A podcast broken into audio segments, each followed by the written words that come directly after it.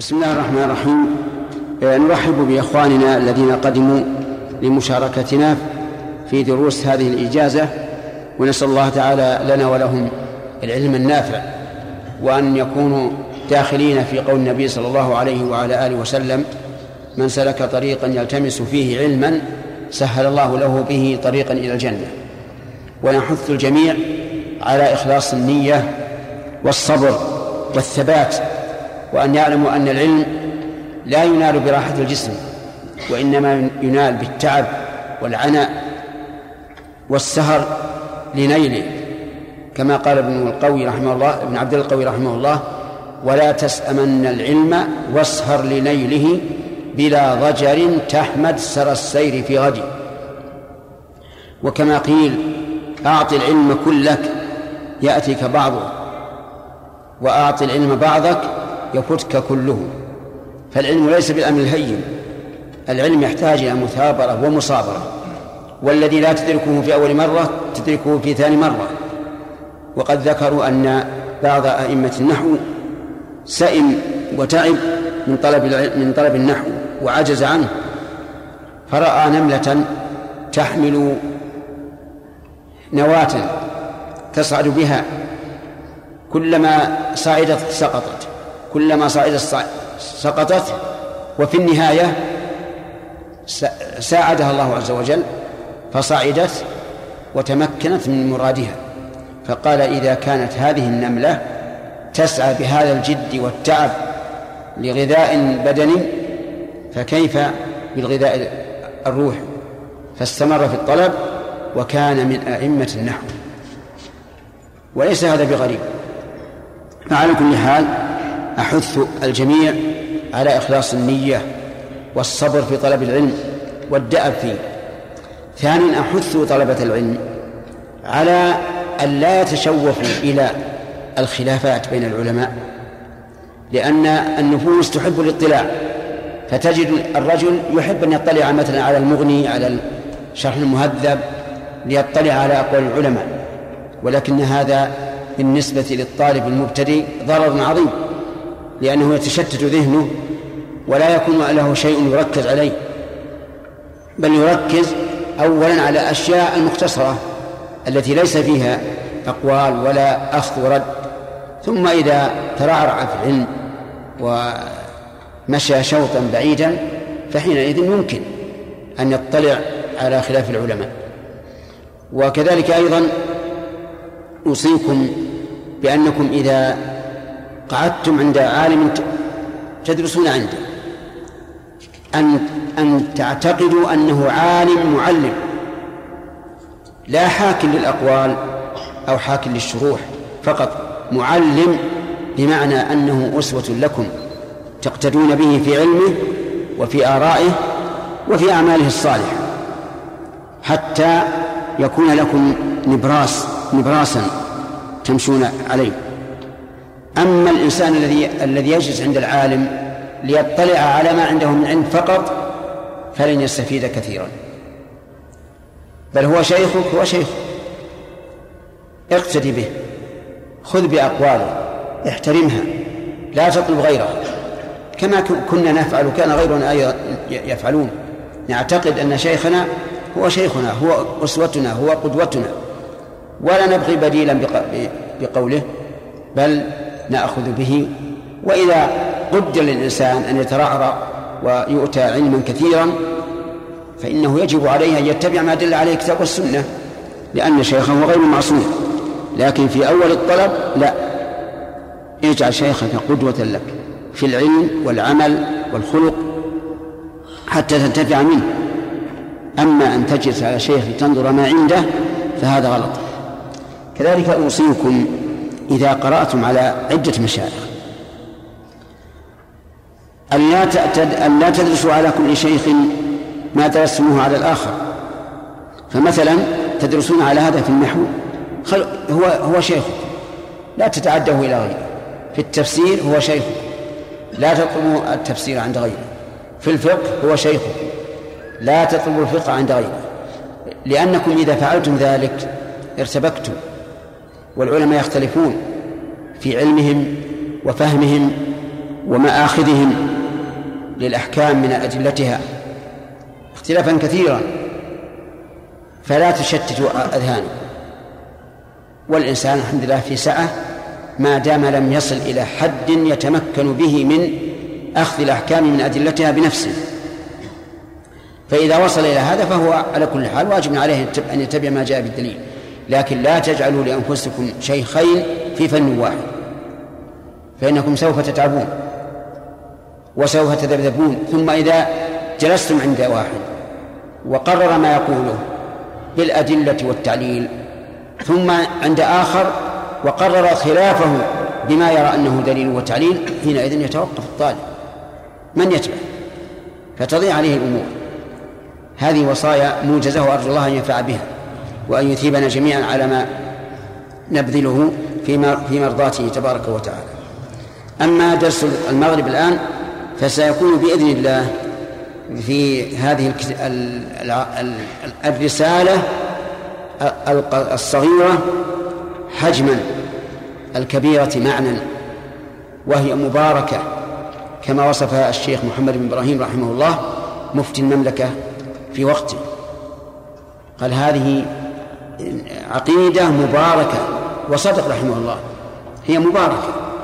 كل أصول العقيدة في أسماء الله وصفاته والقرآن والسنة واليوم الآخر وغير ذلك موجودة فيها. يعني هي زبدة ما كتبه الأولون الذين سبقوا شيخ الإسلام رحمه الله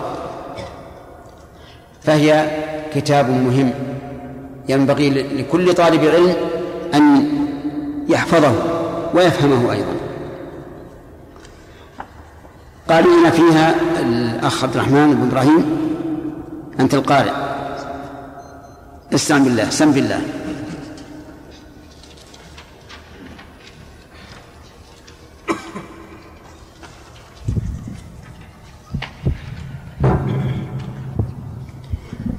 بسم الله الرحمن الرحيم. الحمد لله رب العالمين.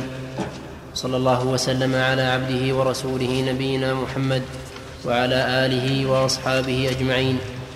قال شيخ الإسلام أحمد بن عبد الحليم بن عبد السلام بن تيمية رحمه الله تعالى في كتابه العقيدة الواسطية. بسم الله الرحمن الرحيم. الحمد لله الذي أرسل رسوله بالهدى ودين الحق ليظهره على الدين كله وكفى بالله شهيدا. وأشهد أن لا إله إلا الله وحده لا شريك له. إقرارا به وتوحيدا وأشهد أن محمدا عبده ورسوله صلى الله عليه وعلى آله وصحبه وسلم تسليما مزيدا. أما بعد فهذا اعتقاد الفرقة الناجية المنصورة إلى قيام الساعة أهل السنة والجماعة وهو الإيمان بالله وملائكته وكتبه ورسله والبعث بعد الموت. والإيمان بالقدر خيره وشره. بسم الله الرحمن الرحيم. هذا الكتاب أو هذه الرسالة لشيخ الإسلام ابن تيمية. ولا حاجة بنا أن نذكر عن حياته شيئا لأنه غني عن ذلك رحمه الله. وقد ألف في حياته كتب ورسائل طويلة وقصيرة فمن أحب فليرجع إليها. في في كتاب تراجم الإمام أحمد لابن رجب رحمه الله وفي البداية والنهاية لابن كثير وغيرها وغيرهما من الكتب التي ألفت في مناقب هذا الشيخ رحمه الله وفضائله. والحقيقة أن الله أنقذ به الأمة من براثن أهل التشبيه وأهل التعطيل. وكتبه شاهدة بذلك. ولقد انتفع بها أمم لا يحصيهم إلا الله عز, إلا الله عز وجل. وكان شيخنا عبد الرحمن بن سيد رحمه الله يحث الطلاب على اقتناء ومطالعة كتب شيخ الإسلام ابن تيمية وتلميذه ابن القيم. وكفى بذلك وصية من شيخنا رحمه الله. هذه هذا الكتاب الصغير حجما الكبير معنى الكبير معنى ألفه رحمه الله بسبب وهو أن بعض قضاة واسط شكا إلى شيخ الإسلام ابن تيمية رحمه الله ما عليه أهل بلده من البدع. وطلب منه أن يكتب زبدة العقيدة عقيدة أهل السنة والجماعة. فكتبها رحمه الله. يقول رحمه الله الحمد لله الذي أرسل رسوله بالهدى ودين الحق. الحمد يعني تحمد الله عز وجل أن الله أرسل هذا الرسول. لأنه لولا أن الله أرسله لبقي الناس في ضلال وعمى. ولكن الله تعالى بمنه وكرمه أرسل هذا الرسول. محمدا صلى الله عليه وعلى آله وسلم. والحمد وصف المحمود بالكمال والإفضال. وصف المحمود بالكمال والإفضال. فهو سبحانه وتعالى يحمد على كمال صفاته ويحمد على كمال إفضاله وإنعامه. قال الله تبارك وتعالى وقل الحمد لله الذي لم يتخذ ولدا ولم يكن له شريك في الملك ولم يكن له ولي من الذل وكبره تكبيرا. هذا الحمد على إيش؟ على الكمال أو على الإفضال؟ على الكمال. الحمد لله الذي لم يتخذ ولدا. الحمد لله الذي خلق السماوات والأرض وجعل الظلمات والنور. على الكمال. حمد الإنسان على طعامه وشرابه على الإفضال. فالله محمود على هذا وهذا. ولكن لا بد من إضافة قيد وهو أن يكون ذلك ناشئا عن محبة وتعظيم محبة الله عز وجل وتعظيم الله. لأن لأن الوصف بالكمال أو أو الإفضال الخالي عن عن المحبة والتعظيم يسمى مدحا. ولذلك يوصف به من لا يحبه الحامد. لكن إذا كان محبة وتعظيما فهذا هو الحمد. وأما لفظ الجلالة الله فهي علم على الذات العلية على الرب عز وجل. لا يسمى به غيره ولا يوصف به غيره. وأصله الإله. وحذفت الهمزة تخفيفا كما حذفت من خير وشر وناس. ومعناه المعبود حبا وتعظيما. وروي عن ابن عباس رضي الله عنهما أنه قال ذو الألوهية والعبودية على خلقه أجمعين. الذي أرسل رسوله بالهدى ودين الحق. المراد بالرسول هنا محمد صلى الله عليه وعلى آله وسلم. أرسله بالهدى ودين الحق. الهدى العلم النافع. ودين الحق العمل الصالح. ولهذا كانت شريعة النبي صلى الله عليه وعلى آله وسلم مشتملة على هذين الأمرين علم وعمل. فالهدى هو العلم النافع ودين الحق هو العمل الصالح. ضد دين الحق دين الباطل. فما عليه الكفار من اليهود والنصارى والبوذيين وغيرهم دين باطل تجب البراءة منه. قال الله تعالى لكم دينكم ولي دين أما دين الإسلام فهو دين الحق. قال الله تعالى هو الذي أرسل رسوله بالهدى ودين الحق. قال ليظهره على الدين كله. يظهره يعني يعليه. يجعله عاليا على الدين كله أي على كل الأديان. وهذا هو الواقع. فإن الأمة الإسلامية لما كانت متمسكة بهذا الدين حق التمسك كانت عالية على جميع الأمم. لا يقوم لها أحد. ولما تأخرت عن الدين تأخرت عن الأمم وصارت كما تشاهدون اليوم. أمة متبعثرة أمة متناحرة أمة ذليلة أمة مخذولة أمام أعداء الإسلام لأنها أضاعت دين الله فأضاعها الله عز وجل. قال وكفى بالله شهيدا. يقول المعربون إن نلبى في قوله بالله زائدة إعرابا لتحسين اللفظ. أي وكفى الله شهيدا على إيش؟ على كل خلقه ومن ذلك أنه شهيد على رسالة محمد صلى الله عليه وسلم. كما قال تعالى لكن الله يشهد بما أنزل إليك أنزله بعلمه والملائكة يشهدون. وشهادة الله تعالى على لرسوله بالحق نوعان شهادة قولية كما في الآية لكن الله يشهد بما أنزل إليك. وشهادة فعلية وذلك بنصره على أعدائه وظهوره عليهم. فإن الله تعالى لن ينصر أحدا على باطل نصرا مؤبدا مستقرا أبدا. لكن قد يدال أهل الباطل على أهل الحق لقصور أهل الحق أو لسبب ما. أما أن تكون الغاية والاستقرار لأهل الباطل فهذا مستحيل لأن الله هو الحق المبين. إذا شهادة الله لرسوله قولية وفعلية. وأشهد أن لا إله إلا الله وحده لا شريك له. أشهد إقرارا باللسان واعتقادا بالجنان. أن لا إله إلا الله أي لا ما لا إله حق إلا الله. يتعين هذا هذا الإعراب وهذا التقدير.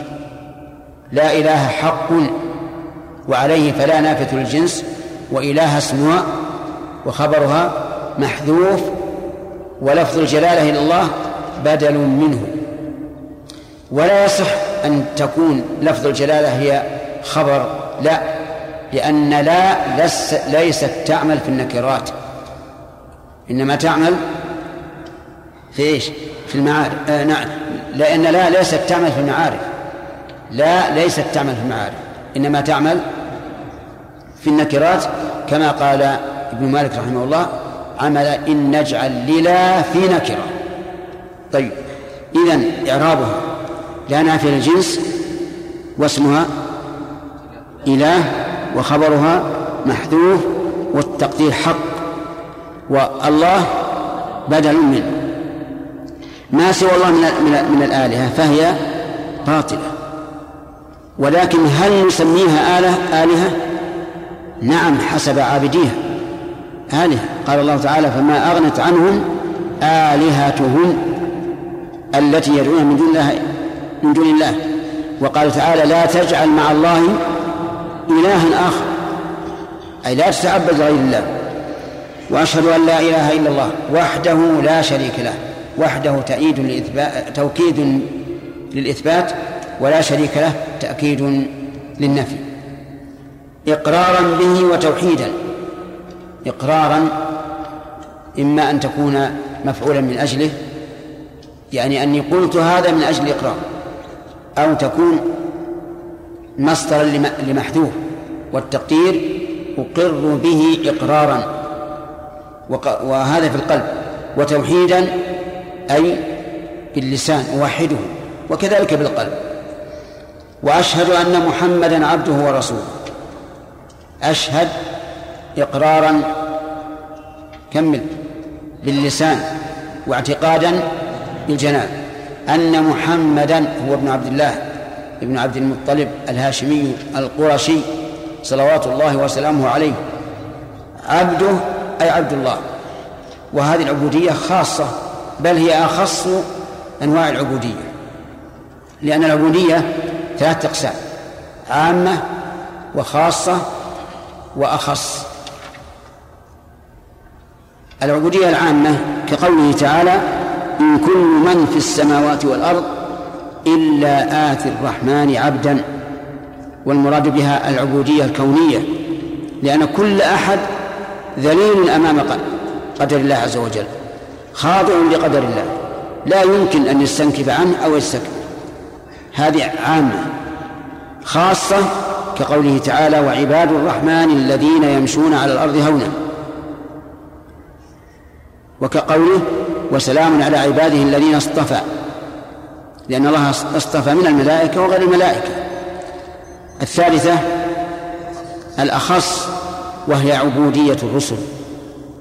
فإن عبودية الرسل أخص أنواع العبادة ولا أحد يباريهم ولا يماثلهم في العبادة.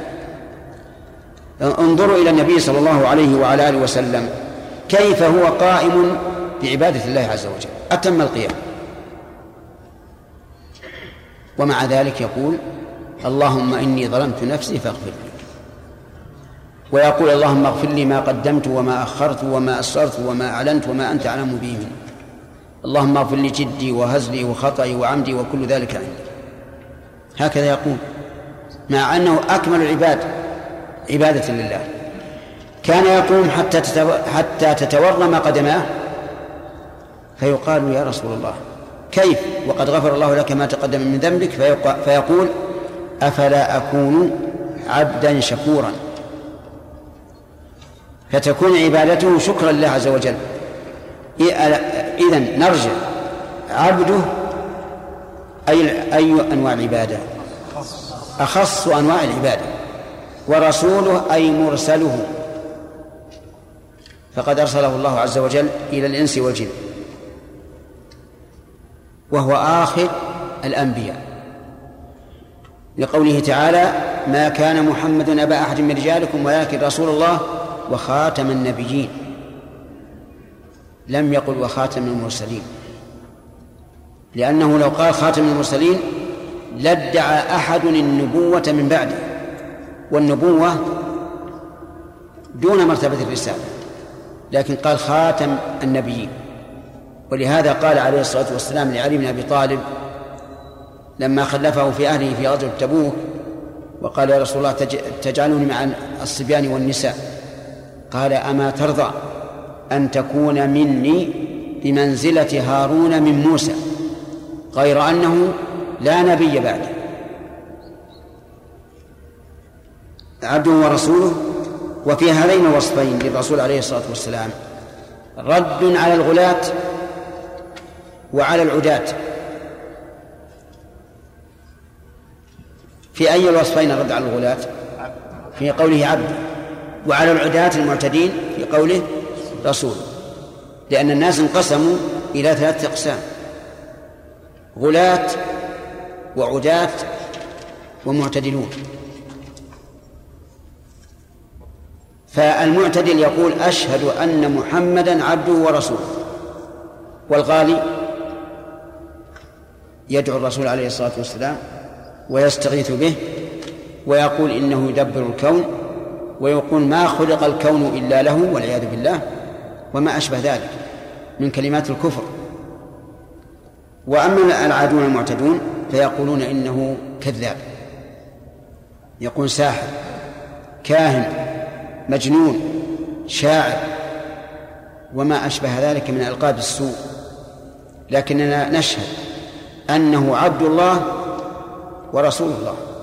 وما أحسن ما قال الشيخ محمد بن عبد الوهاب رحمه الله عبد لا يعبد ورسول لا يكذب.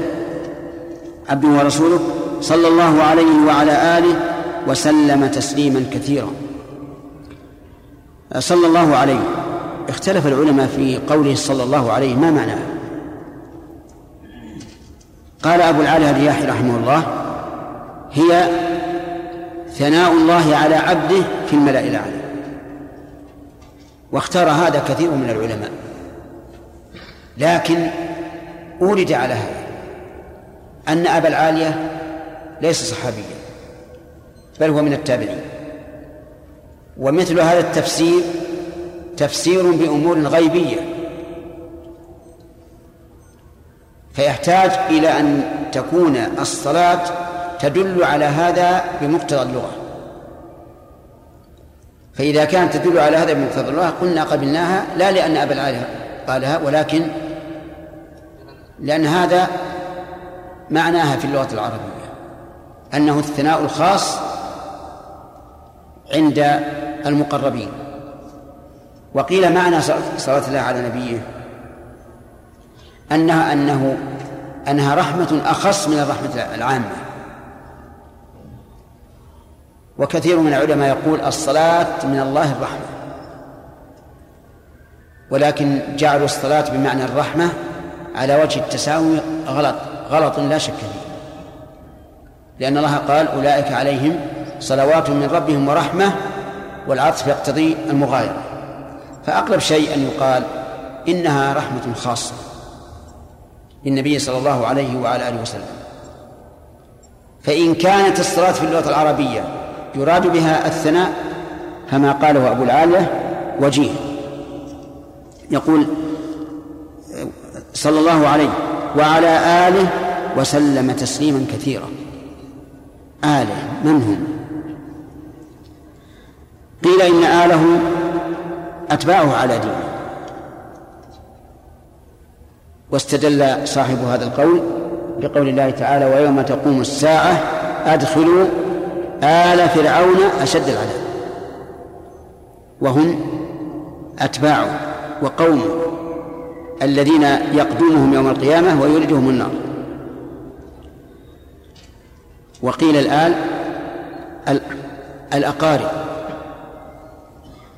لكن هذا القول يجب أن يقيد بأنهم الأقارب المؤمنون به. وإنما قيدنا بذلك لأن قرابته الذين الذين كفروا به ليسوا من آله. حتى إن الله قال لنوح عليه الصلاة والسلام لما قال إن ابني من أهلي قال الله تعالى إنه ليس من أهلك وهو ابنه. فالكافرون بالرسول عليه الصلاة والسلام ولو كانوا أقرب قريب ليسوا من آله. ليسوا من آله شرعا وإن كانوا من آله نسبا. لا شك أنهم من آله نسبا ولكن شرعا لا. إذا آله إذا قلنا وعلى آله وقلنا المراد القرابة فإنه يجب أن إيش؟ أن يقيد بالمؤمنين. وبهذا يندفع قول المورد.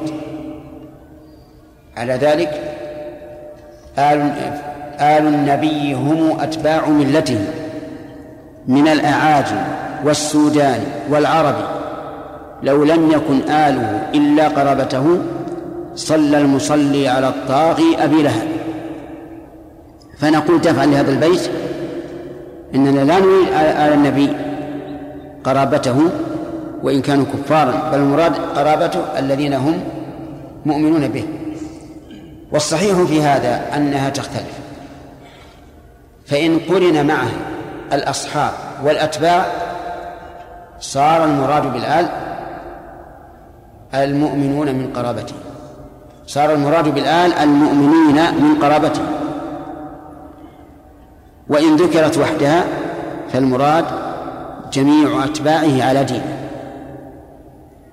وإذا قيل صلى الله عليه وعلى آله وصحبه صار المراد الأتباع على الدين. وتكون صحبه معطوفة عليها من باب عطف الخاص على العام.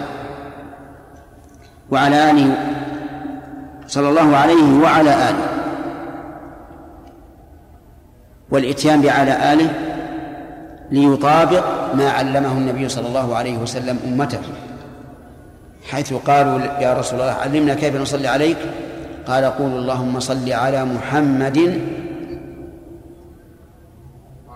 كم؟ وعلى آل محمد. ولم يقل وآل محمد. قال وعلى آل محمد. ولئلا نوافق الرافضة الذين يقولون صلى الله عليه وآله. فنخالفهم في اللفظ. ونوافق اللفظ النبوي. اللهم صل على محمد وعلى آل محمد. وعلى آله وسلم تسليما مزيدا. سلم صلى وسلم. قدم الصلاة على السلام وفي التشهد قدم السلام على الصلاة فقدم الصلاة على السلام موافقة للآية الكريمة. يا أيها الذين آمنوا صلوا عليه وسلموا تسليما. وقدم السلام على الصلاة في التشهد لأنه لم يعلمهم الصلاة إلا بعد أن علمهم السلام فأبقى الأمر على ترتيبه على ما هو عليه. فما معنى سلم؟ معناها سلمه من الآفات. وهذا بالنسبة ل... وهذا بالنسبة لدعاء للدعاء في حياته بهذا التسليم واضح. ولا غير واضح؟ نعم. إذا كان حيا وقلنا اللهم سلمه واضح. أنك تدعو له بالسلامة من الآفات. لكن بعد موته نقول بعد موته هناك أمور خطيرة مستقبلة بالنسبة للرسول عليه الصلاة والسلام كأهوال يوم القيامة. ولهذا كان دعاء الرسل عليهم الصلاة والسلام عند عبور الصراط يوم القيامة. إيش؟ اللهم سلم اللهم سلم. فهناك أمور خطيرة. هذا واحد. ثانيا ربما نقول إن الأمر أوسع مما أن يكون السلام لشخص عليه الصلاة والسلام ويشمل السلام لشريعته. السلام لشريعته. كما نقول في قوله تعالى إنا أعطيناك الكوثر فصل لربك وانحر إن شانئك هو الأبتر.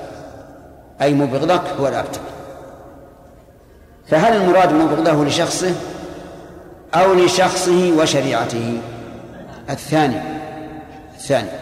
فهنا نقول ربما نحمل معنى سلم تسليم تسليم الشريعة أيضا. واضح؟ فعندنا إذا قالها الإنسان في حال حياة الرسول فلا إشكال واضح. بعد موته نحمله على أمرين. الأمر الأول أن هناك آفات مستقبلية تكون يوم القيامة. والثاني أن السلامة هنا تشمل سلامة الشريعة. على أنه ربما يقال حتى سلامة البدن بعد الموت من الأعداء. فقد ذكر المؤرخون أن اثنين حاولا الوصول إلى جسم النبي صلى الله عليه وعلى آله وسلم في قبره. حتى أيقظ الله تبارك وتعالى أحد الخلفاء أو الأمراء على هذا فمنع الله سبحانه وتعالى أن يصل أحد إلى قبره والقصة هذه مشهورة في التاريخ. وقول مزيدا بمعنى زائدا. أما بعد فهذا اعتقاد. أما بعد نجد كثيرا من العلماء رحمهم الله يقولون هذه الجملة يؤتى بها للانتقال من أسلوب إلى آخر. وهذا فيه نظر. بل يؤتى بها لافتتاح الموضوع. بعد الخطبة تأتي بها لافتتاح الموضوع. وهذا واضح في صنيع العلماء رحمهم الله. أما بعد فهذا اعتقاد الفرقة الناجية إلى آخره. فهذا المشار إليه. إن كان نعم إن كان بعد كتابة الرسالة فالمشار إليه موجود في الخارج محسوس لأن الكتاب موجود. وإن لم وإن كانت هذه الخطبة قبل أن يؤلف الكتاب فهو إشارة إلى ما قام في ذهنه باعتبار المست... باعتبار وجوده في المستقبل. إذا كنا لا نعلم فالأصل أن الخطبة السابقة وحينئذ يكون تكون الإشارة لما قام في ذهنه مما سيوجد في المستقبل. فهذا اعتقاد الفرقة الناجية اعتقاد الاعتقاد هو حكم الذهن الجازم. هذا الاعتقاد إنك في ذهنك تجزم بأن هذا الشيء على كذا وكذا. ثم إن طابق فصحيح وإن لم يطابق ففاسد. مثلا أنا أعتقد أن فلانا وصل إلى بيتي أعتقد هذا. بناء على قرائن عرفتها من قبل فتبين أنه واصل فالاعتقاد صحيح. تبين أنه لم يصل فاسد. إذن الاعتقاد يكون صحيحا ويكون فاسدا. إن طابق الواقع فهو صحيح وإن خالفه فهو فاسد.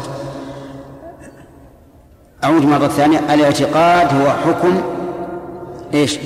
الذهن الجازم. ثم إن طابق فصحيح وإن لم يطابق ففاسد. الفرقة يعني الطائفة.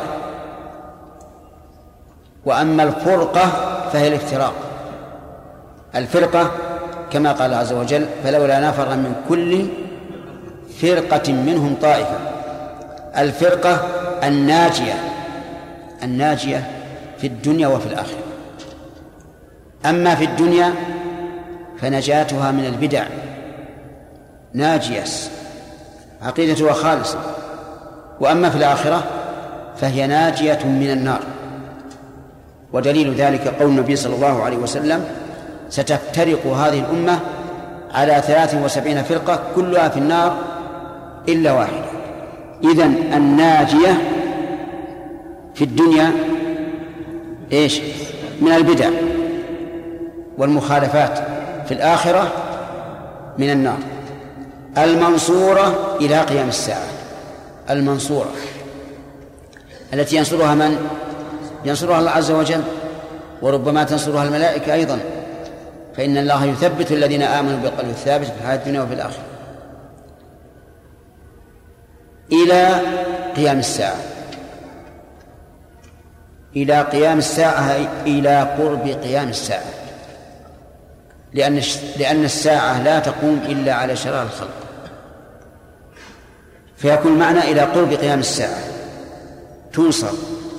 أهل السنة والجماعة. اللهم اجعلنا منهم. أهل السنة أضافهم إلى السنة لأنهم متمسكون بها تماما.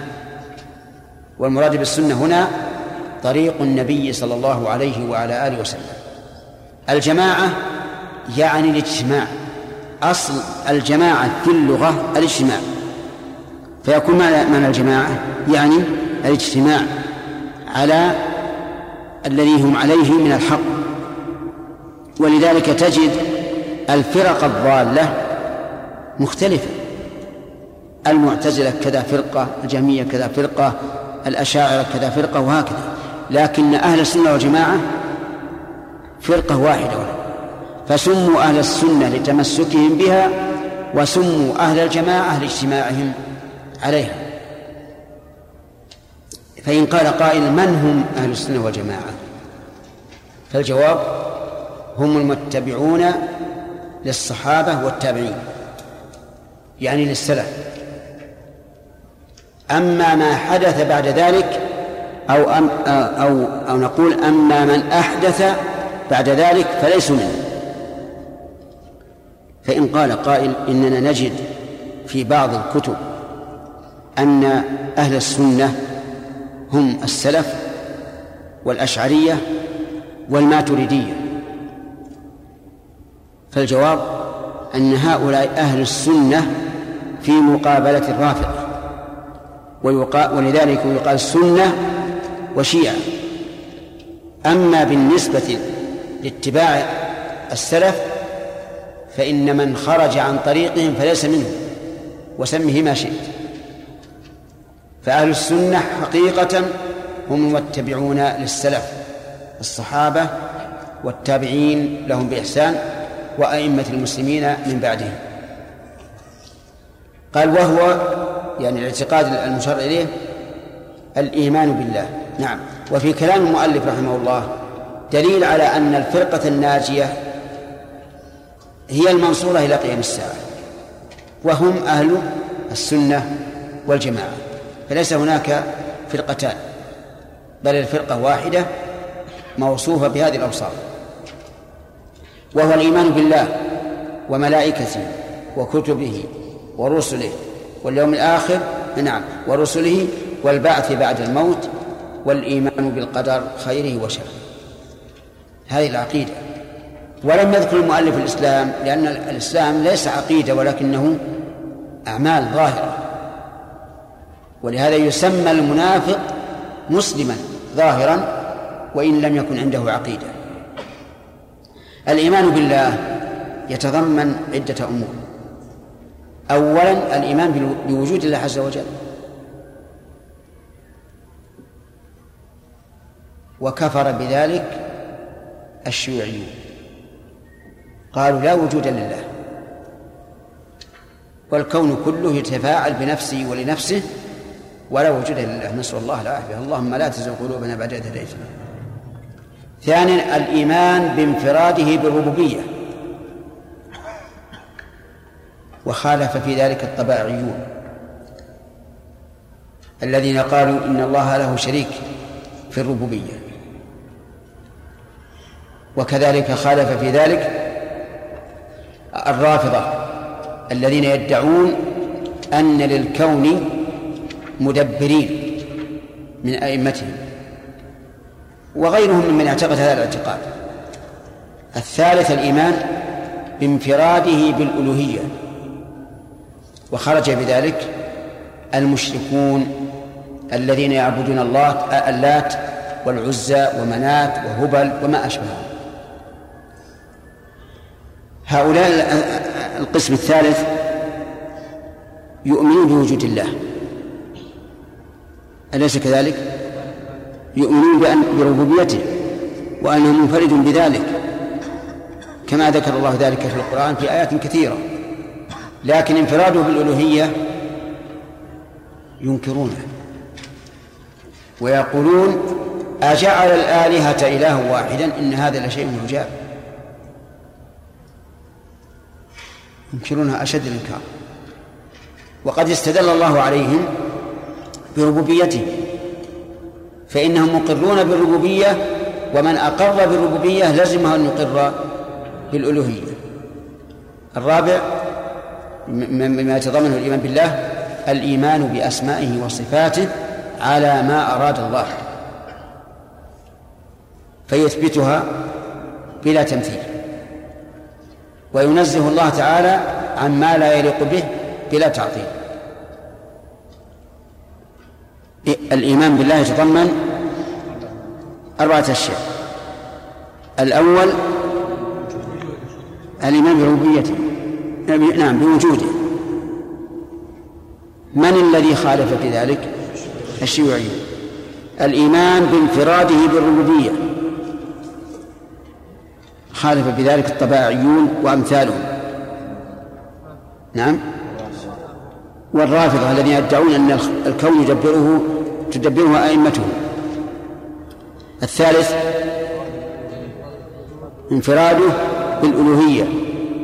خالف فيه المشركون الذين قاتلهم الأنبياء عليهم الصلاة والسلام. الرابع الإيمان بأسمائه وصفاته. وأنه له الأسماء الحسنى والصفات العلى بدون أن يماثله أحد في ذلك. خالف في هذا جميع أهل التعطيل وخالف بهذا أيضا أهل التمثيل فأهل التمثيل جعلوا مع الله شريكا وقالوا إن إن صفات الله مماثلة لصفات المخلوقين وأهل التعطيل لم يثبتوا شيئا مما وصف الله به نفسه فخالف في ذلك هؤلاء. أهل التمثيل وأهل التعطيل. ولهذا لا نشك بأن أهل التمثيل وأهل التعطيل الذين حرفوا نصوص الكتاب والسنة لا نشك في أن إيمانهم ناقص. وقد يصل إلى حد الكفر. وملائكة نعم بالله. وملائكته الملائكة جمع ملك. وعلى نوع من التصرف في اشتقاقه ولا حاجة لنا إلى الكلام فيه لكن الملائكة هم عالم غيبي. معنى غيبي أنهم ليسوا من عالم الحس الذين يشاهدون بل هم عالم مغيب. خلقهم الله تبارك وتعالى من نور. والمخلوقات ثلاثة أصلها ثلاثة من طين من نار من نور. بنو آدم والجن والملائكة من نور. فإذا قال قائل كيف يمكن أن يخلق الله من النور أجساما؟ قلنا هذا الإيراد لا يورد إلا ممن شك في قدرة الله عز وجل.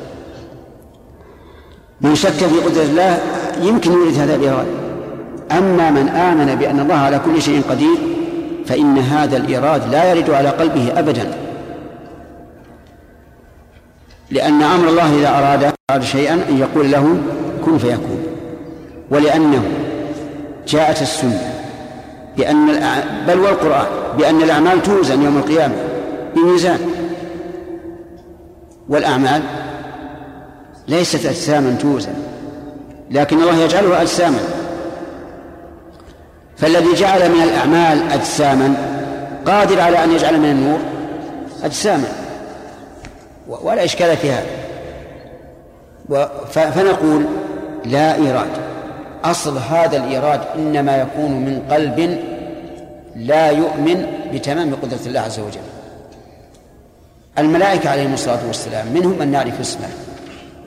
ومنهم من لا نعرف اسمه ومنهم من نعرف عمله ومنهم من لا نعرف عمله. فما الواجب؟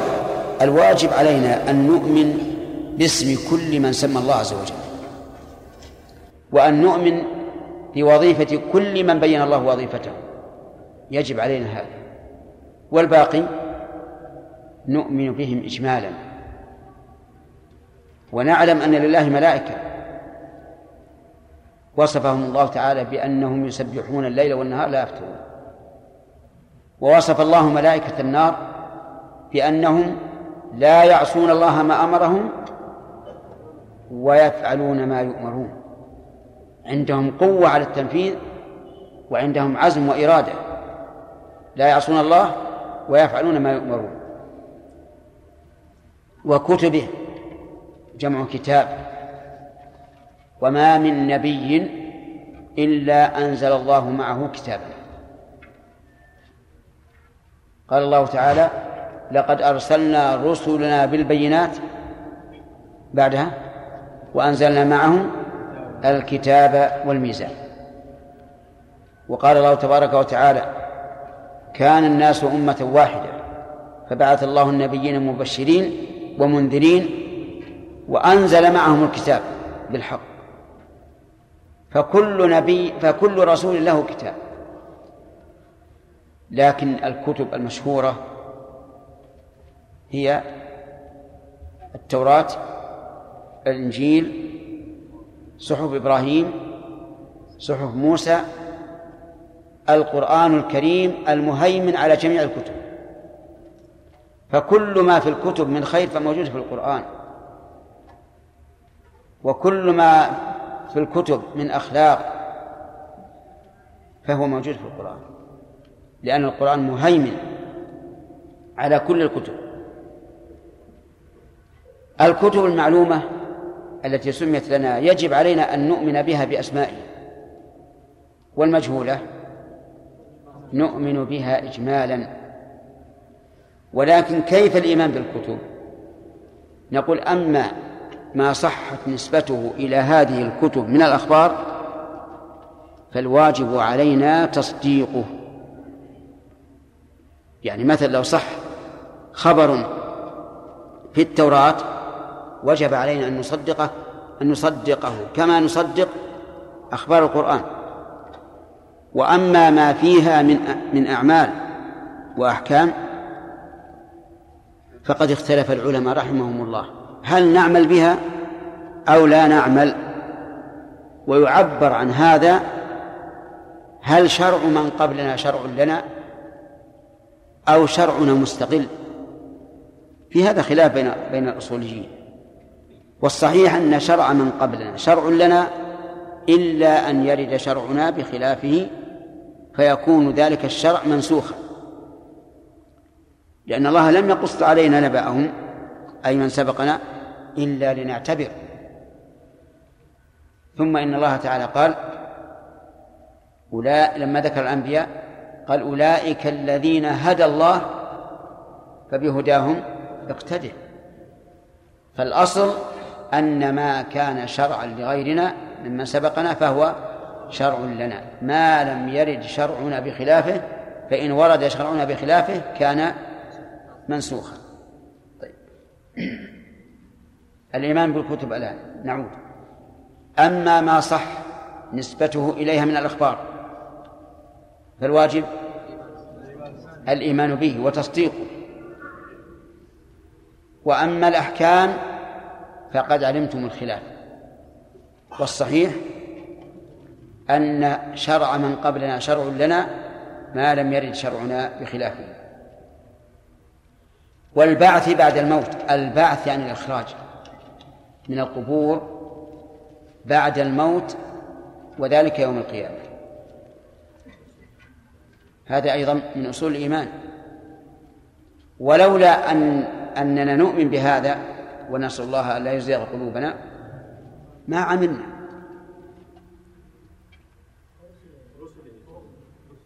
كيف؟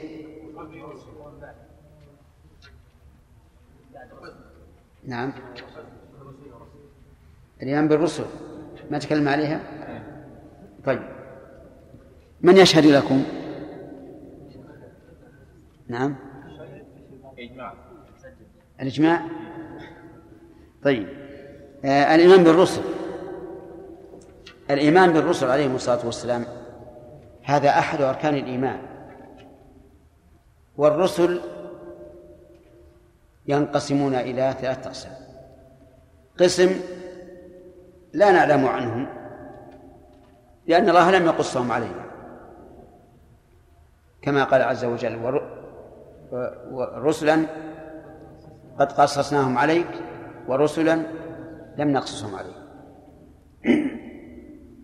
الثاني رسل قصهم الله علينا وبين رتبهم ووصفهم بأنهم أولو العزم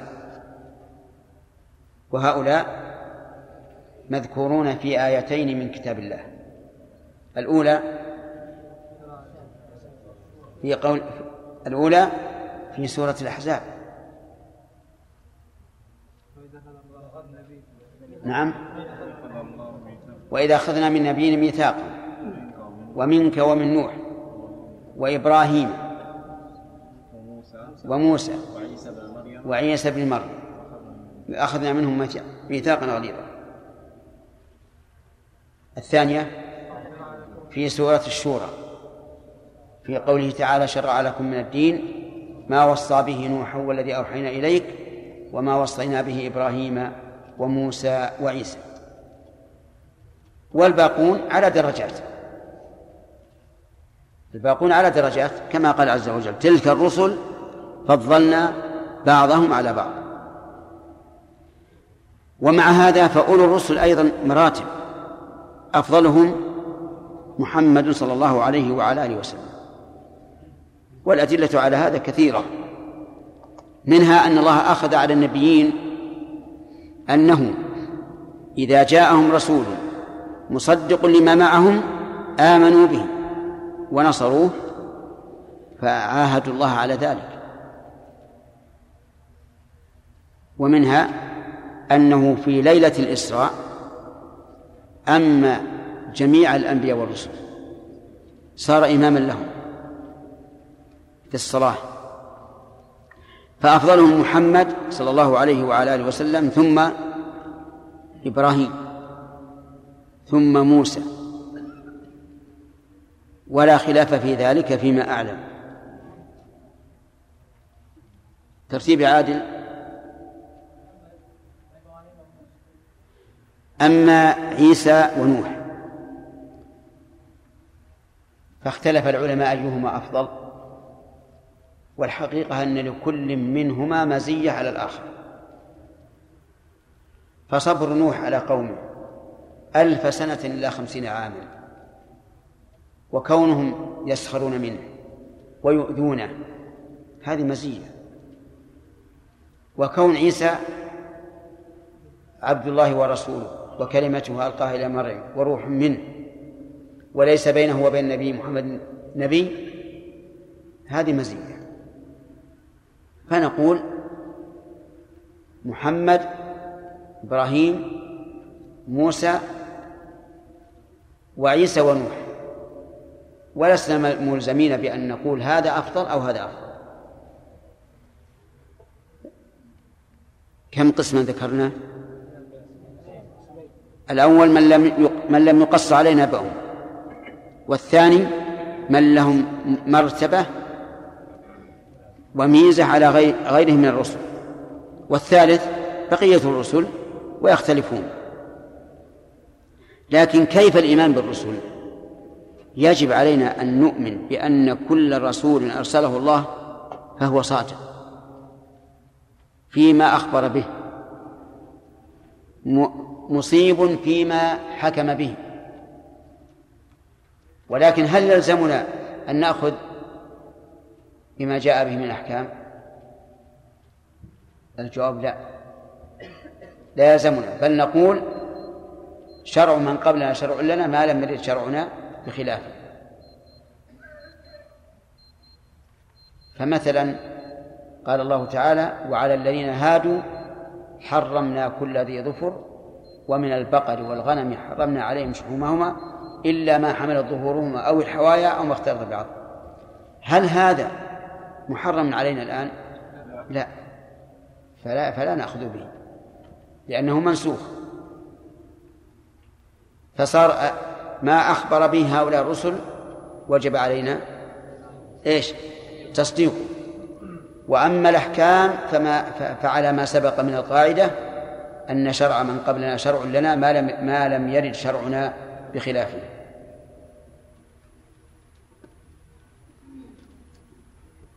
يقول ملائكتي وكتبه ورسله بقي أن يقال أليس الله تعالى قد قال آمن الرسول بما أنزل إليه من ربه والمؤمنون كل آمن بالله وملائكته وكتبه ورسله لا نفرق بين أحد من رسله. فكيف تفرقون بين الرسل في الفضائل؟ وكيف تفرقون بين الرسل فيما جاءوا به؟ فالجواب أننا نفرق لأن الله فرق.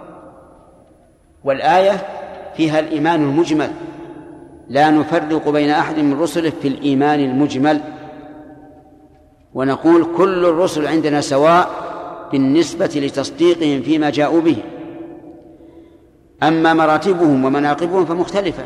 بنص القرآن. تلك الرسل فضلنا بعضهم على بعض.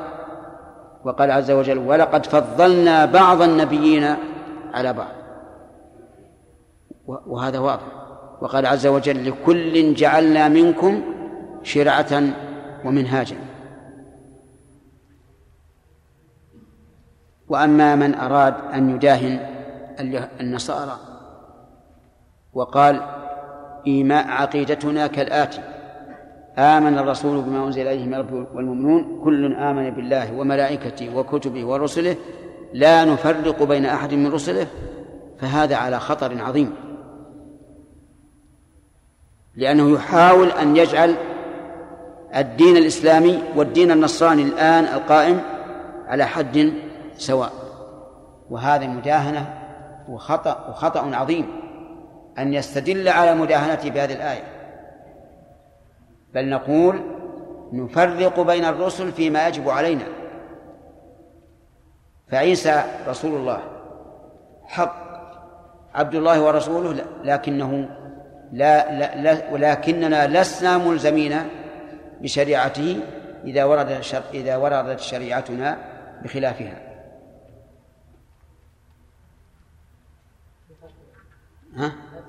أسئلة. طيب الآن خلي الباقي فيما بعد إن شاء الله. أحسن الله عليك وصف أهل السنة والجماعة هل هل هذا وصف واحد؟ أم هو وصفان؟ متلازمان؟ كيف؟ أهل السنة والجماعة. نعم. هل هل أهل السنة والجماعة؟ هم هم أهل السنة والجماعة. قصدي هم وصفان للفرقة من هو؟ اي وصفان للفرقة واحدة. متلازمان معلوم. لأن قلنا أهل السنة لأنهم أخذوا بها والجماعة لأنهم اجتمعوا عليها. يا شيخ إذا إذا شيخ هل يرد على ذلك؟ تقديم بعض الفقهاء المذهب مثلا ما يذهب إليه على السنة الواردة نقول أن أنت خارج عن السنة. لا لا لا. هو لا يخالفها عنادا. يعني الذين يخالفون السنة تعصبا لمذاهبهم لا يخالفونها عنادا لكنهم يخالفونها تأويلا يظنون أن هذا هو الحق ولهذا إذا تبين الحق لأحدهم فإن المنصف منهم يعدل إلى الحق ويترك مذهبه. نعم. ذكرت ذكر أن المخلوقات ثلاثة من طين وماء من طين ونار ونور نزيد رابع الماء. لا لا. هذا الماء أصل يرجع لأصله. الآن مثلا الإنسان فلينظر الإنسان مما خلق خلق من ماء دافئ لكن أصله من تراب.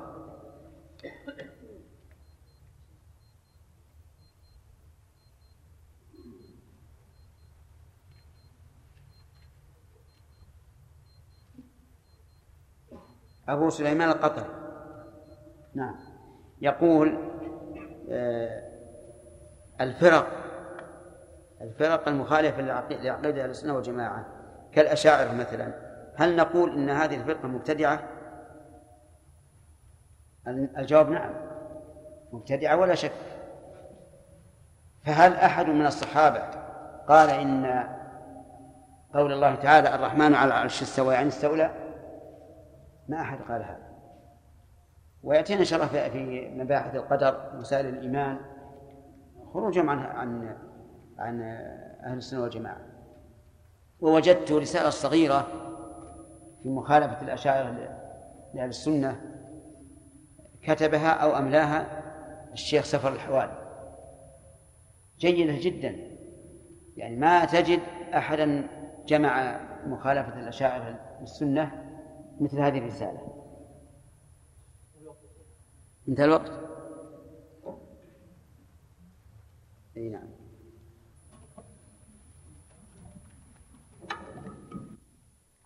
بسم الله الرحمن الرحيم. الحمد لله رب العالمين. نريد واحد يقرأ العقيدة دائما. الشيخ عبد الرحمن. بسم الله الرحمن الرحيم. الحمد لله رب العالمين وصلى الله وسلم على عبده ورسوله نبينا محمد وعلى آله وأصحابه أجمعين. قال شيخ الإسلام ابن تيمية رحمه الله تعالى في كتابه العقيدة الواسطية أما بعد فهذا اعتقاد الفرقة الناجية المنصورة إلى قيام الساعة أهل السنة والجماعة وهو الإيمان بالله وملائكته وكتبه ورسله والبعث بعد الموت والإيمان بالقدر خيره وشره.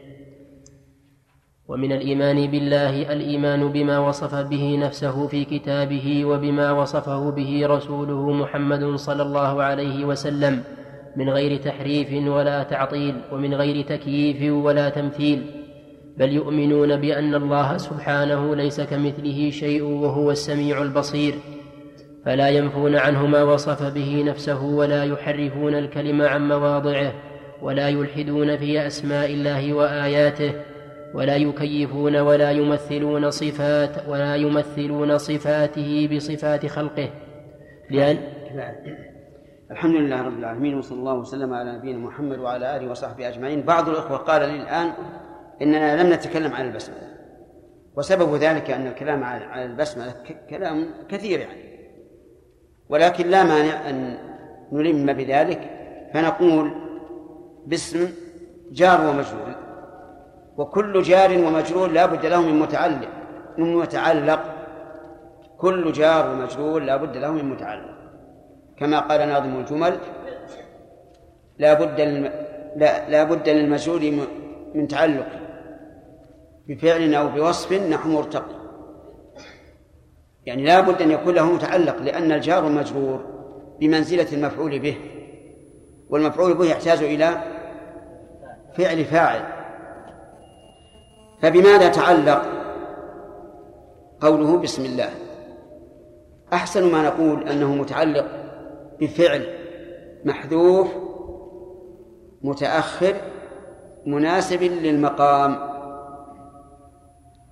بفعل محذوف متأخر مناسب للمقام. فعندما نريد أن نقرأ نقول التقدير بسم الله أقرأ.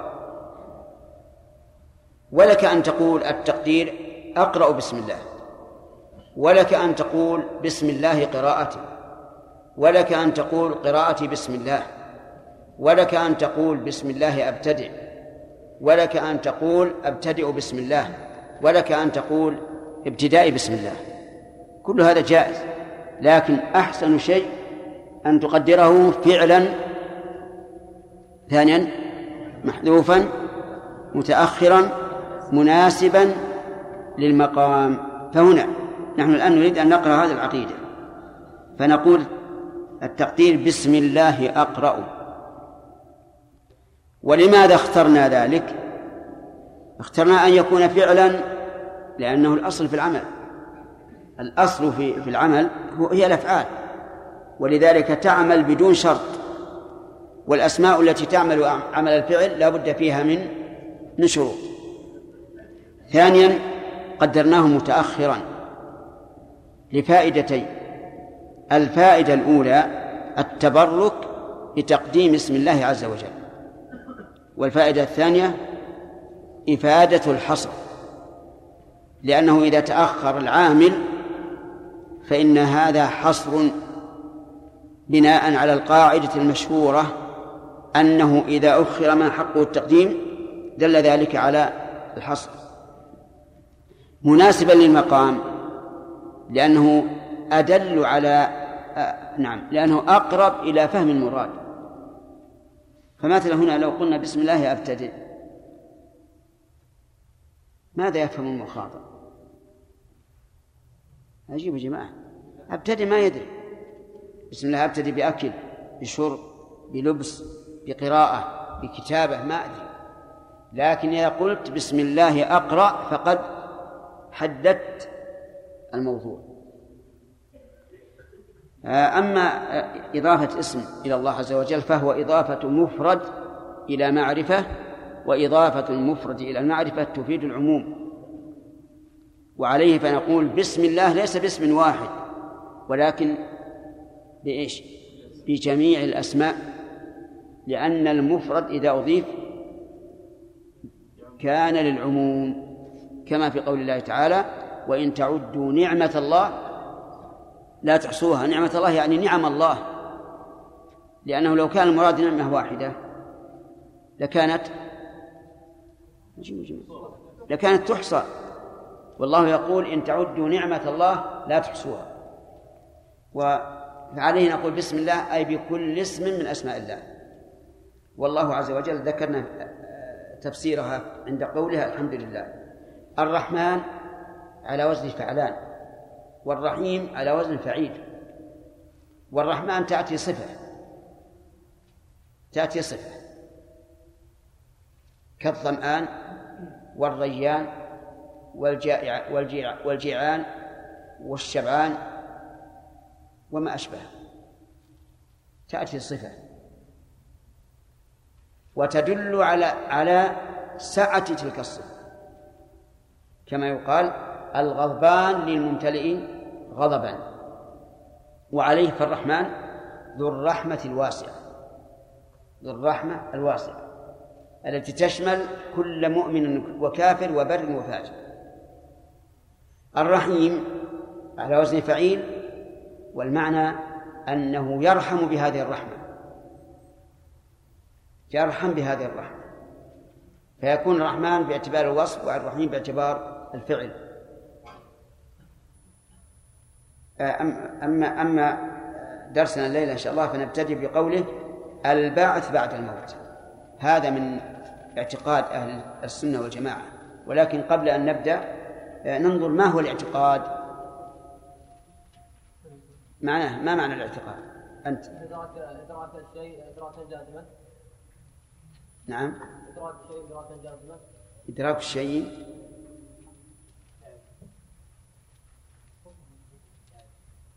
نعم. عبد الله. أين عبد الله؟ ها. الاعتقاد مأخوذ من العقل هو بقوة ومأخوذ هو الإقرار بالقلب والنطق باللسان. لا. نعم. تفضل. حكم الذهن الجازم.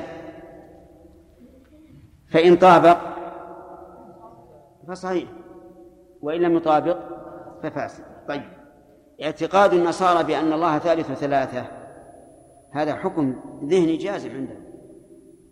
صحيح أو غير صحيح أحمد؟ غير صحيح. ليش؟ ها؟ نعم. مخالف للواقع غير مطابق. طيب.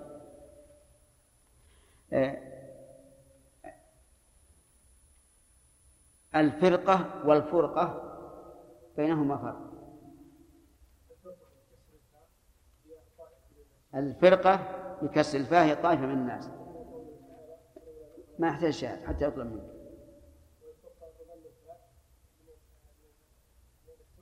من الافتراق. طيب صحيح. قوله إلى قيام الساعة.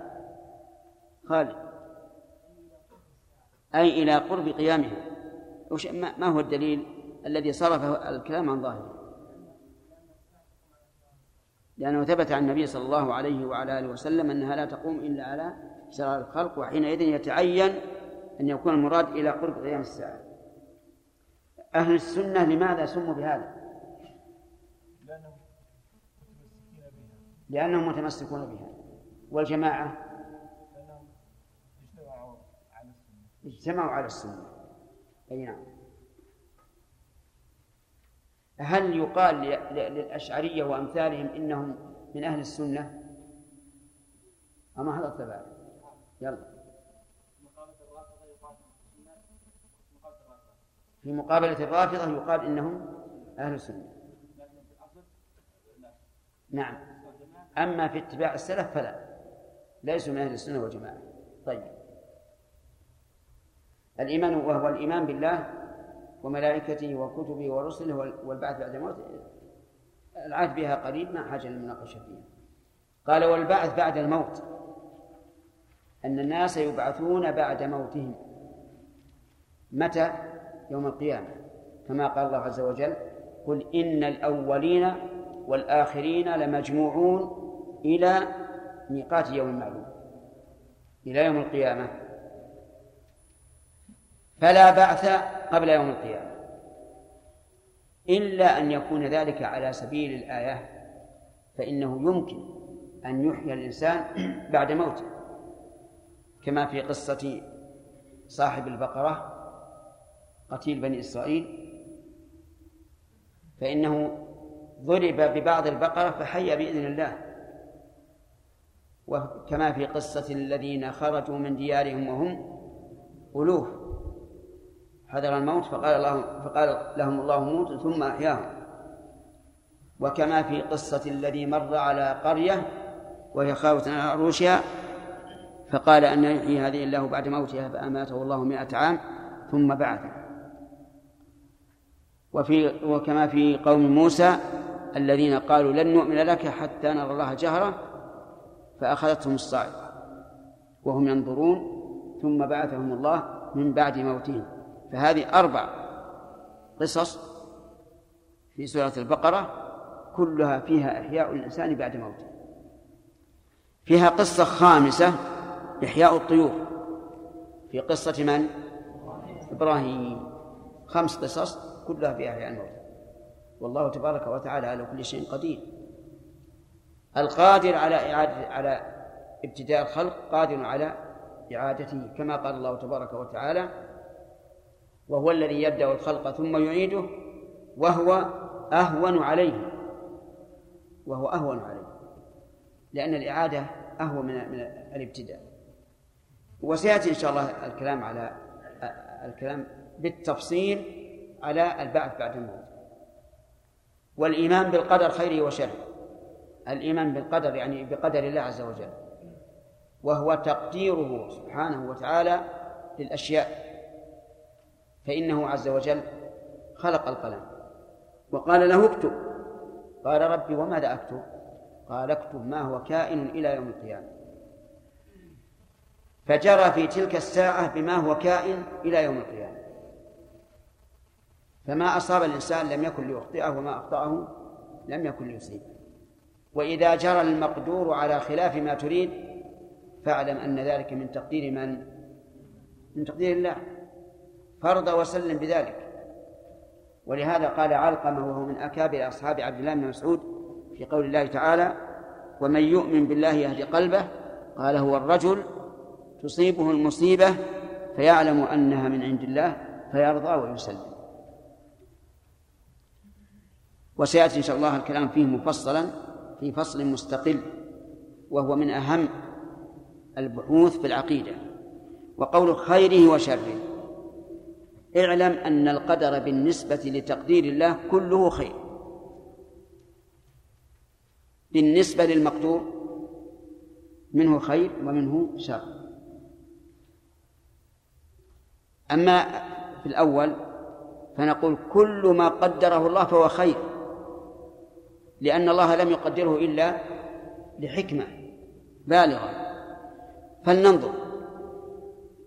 فساد الهواء قلة الأمطار جدب الأرض الفقر الجهل المرض الموت كل هذا باعتبار المقدور شر. لكن باعتبار تقدير الله له خير لا شك. فإذا قال قائل كيف يكون المقدور خيرا شرا والقدر خيرا؟ قلنا هذا واضح. جائز عقلا وممكن وممكن حسا. أرأيت لك ابن تحب طفل صغير تحبه قد وسع عليك الدنيا بمضاحكته ومكالمته أصيب بمرض. هذا المرض لا ينفع فيه إلا الكي الكي بالنار إذا كويته فالكي خير ولا شر؟ شر لأنه يؤلمه ويوجعه ويجرحه هذا باعتبار المفعول. لكن باعتبار فعلك أنك أقدمت على هذا الكي خير ولا شر؟ خير. فإذا اختلفت الجهة أمكن أن يكون هذه تكون هذه الجهة خيرا وأن تكون هذه الجهة شرا. أفعال الله عز وجل. عظيمة جدا لا نحيط بها.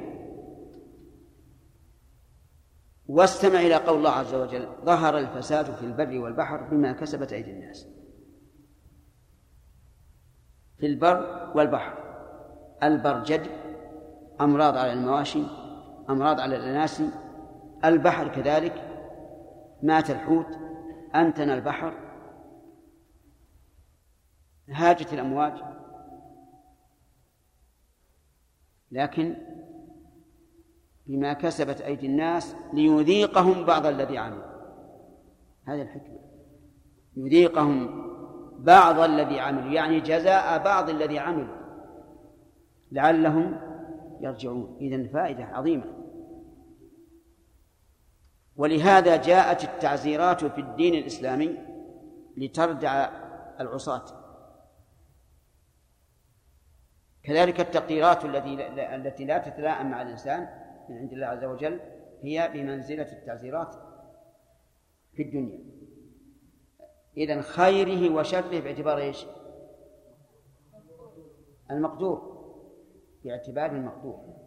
أما باعتبار تقدير الله فهو خير محض. وخير محض. ثم قال ومن الإيمان بالله الإيمان بما وصف به نفسه في كتابه وبما وبما وصفه به رسوله محمد صلى الله عليه وعلى آله وسلم. هذا من الإيمان بالله. ولا يتم الإيمان بالله إلا بالإيمان بما وصف به نفسه. في كتابه أو على لسان رسوله محمد صلى الله عليه وعلى آله وسلم. فمن قال إنه مؤمن بالله ولكن أنكر بعض صفاته فهو ناقص الإيمان. وقد يكفر.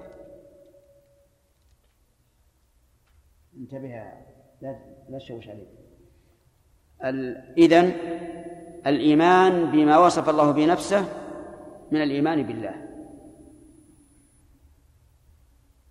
وما وصف الله بنفسه فهو أقسام. قسم صفات خبرية. قسم صفات خبرية أي ثبتت بمجرد الخبر ولا علاقة للعقل فيها. وهذه الصفات هي التي نظير مسماها أجزاء لنا وأبعاض لنا.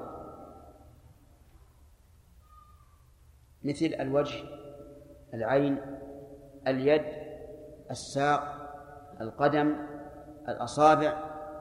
هذه صفات صفات خبرية محضة لا مدخل للعقل فيها. نظير مسماها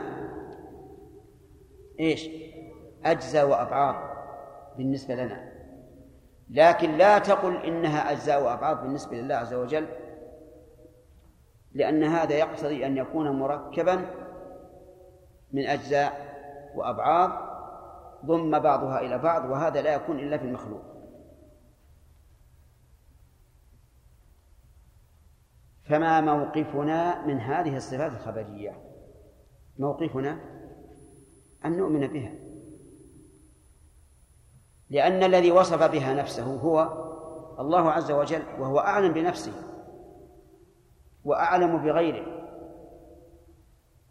الثاني من الأقسام صفات معنوية دائمة. صفات معنوية دائمة. يوصف بها الله عز وجل أزلا وأبدا. وهي ما يعبر عنه بالصفات الذاتية. مثل الحياة العلم القدرة السمع البصر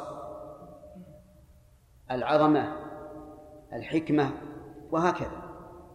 هذه صفات معنوية ثابتة لله أزلا وأبدا.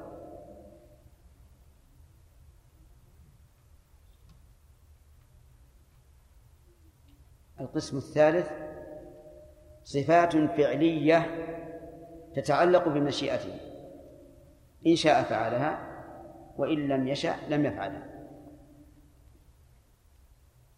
الاستواء على العرش والنزول إلى السماء الدنيا حين يبقى ثلث الليل الآخر والعجب والضحك وما أشبهها. كثير. هذه نسميها صفات فعلية لأنها تتعلق بفعله ومشيئته. إن شاء فعلها وإن شاء لم يفعلها. يعني إن شاء عجب وإن شاء لم يعجب لأن عجبه سبحانه وتعالى له سبب. وكل صفة من صفات الله لها سبب فهي فعلية قطعا. الضحك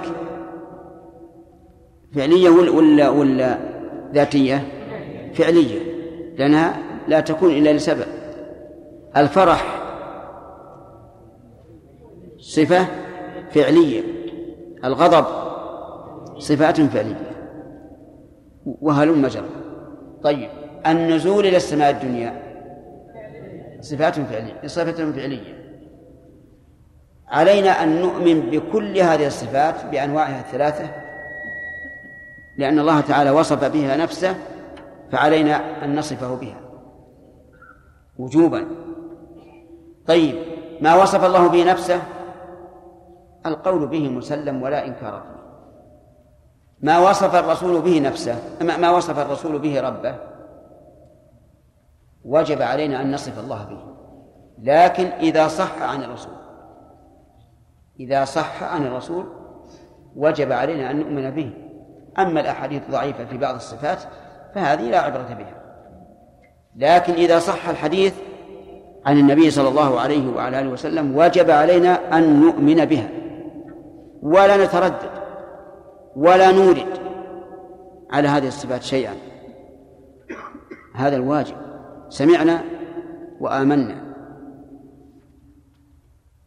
واعلم أن من المبتدعة الضالة من قال إن خبر الآحاد لا يحتج به في العقائد. وهذا ضلال. سبحان الله. خبر الآحاد لا يحتج به في العقائد والرسول عليه الصلاة والسلام يرسل الرسول الواحد. إلى الملوك يدعوهم إلى الإسلام ويبين لهم الإسلام. ويجعل هذا حجة ولا غير حجة؟ حجة ملزمة. فكيف لا يكون حجة علينا أن أن أن يرد الرسول أن يرد الحديث عن الرسول صلى الله عليه وسلم من طريق واحد؟ موثوق. ثم إن نقول ألستم تحتجون بخبر الآحاد في الأمور العملية؟ يقولون بلى. الأمور العملية لا يمكن للإنسان أن يتعبد بها إلا عن عقيدة. وش العقيدة؟ أن الله تعالى شرعها. وأن رسوله صلى الله عليه وعلى آله وسلم بلغها. كل عمل مسبوق بعقيدة. فأنتم الآن أثبتتم العقائد بخبر الواحد. إذا نقول ما وصف به الرسول صلى الله عليه وسلم كالذي وصف الله به نفسه بشرط. أجيب أن يكون الحديث صحيحا. فإذا صح الحديث سواء من طريق الأحاد أو طريق التواتر وجب علينا أن نؤمن به وأن نصف الله به. والقول بأنه لا يقبل خبر الآحاد في العقائد قول باطل مبتدع. منقوض بماذا ينقض؟ بإثباتهم العمليات بخبر الآحاد مع أن العمليات لا يمكن أن يتعبد الإنسان بها لله إلا وقد اعتقد إيش؟ أن الله شرعه وأن رسوله بلغه وإلا لم يتعبد الله بها يقول رحمه الله آه، من غير تحريف ولا تعطيل ومن غير تكييف ولا تمثيل.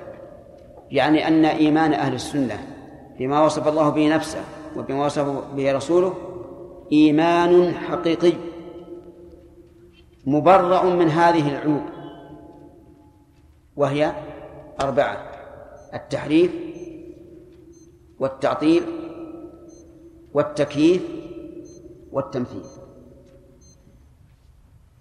إيمان حقيقي لا تحريف ولا تعطيل ولا تكييف ولا تمثيل ولا تكييف. التحريف ينقسم إلى نوعين إلى قسمين. تحريف لفظي وتحريف معنوي. وأكثر ما وقع فيه الخطأ هو التحريف المعنوي. لأن التحريف اللفظي ما حد ما يستطيع أحد أن يحرف القرآن لفظا. وأن وأن يجعل ذلك طريقا له يسير عليه. لا يمكن هذا. كل إنسان يرد عليه.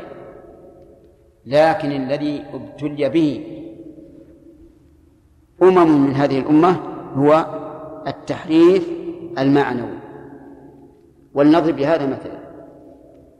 قال الله تبارك وتعالى وكلم الله موسى تكليما. كلم الله موسى تكليما. قال بعضهم آه نعم قرأ قرأ بعضهم. وكلم الله موسى تكليما. هذا تحريف إيش؟ لفظي وتبعه المعنى. لأنه لأنه إذا كان اللفظ وكلم الله موسى صار المتكلم موسى والله لم يتكلم سبحانه وتعالى. لكن هذا لا يمكن أن أن تثبت عليه قدم إنسان لأن كل شخص إيش؟ يرد عليه. كل شخص يرد عليه. وآخر قال وكلم الله موسى تكليما أي جرحه بمخالب الحكمة. إيش مخالب نعم. جرحه بمخالب الحكمة. يا رجل من هذا؟ قال لأن الكلمة في اللغة بمعنى الجرح. كما في قول النبي صلى الله عليه وعلى آله وسلم ما من مكلوم يكلم في سبيل الله والله أعلم بمن يكلم في سبيله. تكلم بمعنى جرح. جرح إيش؟ موسى. بمخالب الحكمة. وجعل, هذا من باب الاستعارة المكنية. ولكن هذا غير صحيح. هذا لا شك إنه باطل. يسمى إيش؟ تحريفا معنويا. آه ثالث قرأ قول الله تعالى وجاء ربك والملك صفا صفا. فقال وجاء أمر ربك. تحريف. معنوي أو لفظي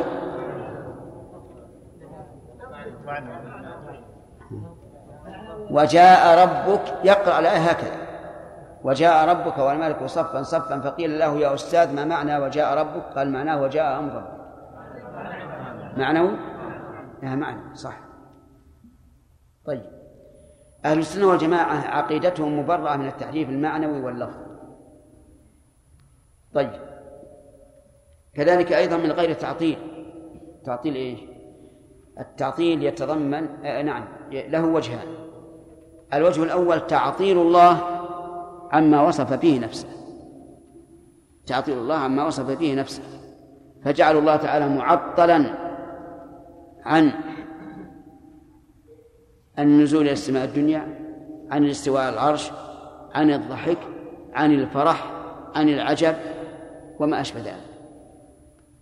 الثاني الجهة الثانية للتعطيل تعطيل النصوص. عن المعنى المراد بها. تعطيل النصوص عن المعنى المراد بها. فصار التعطيل له جانبان. الأول تعطيل الله تعالى عما وجب له من الصفات وما أثبته لنفسه والثاني تعطيل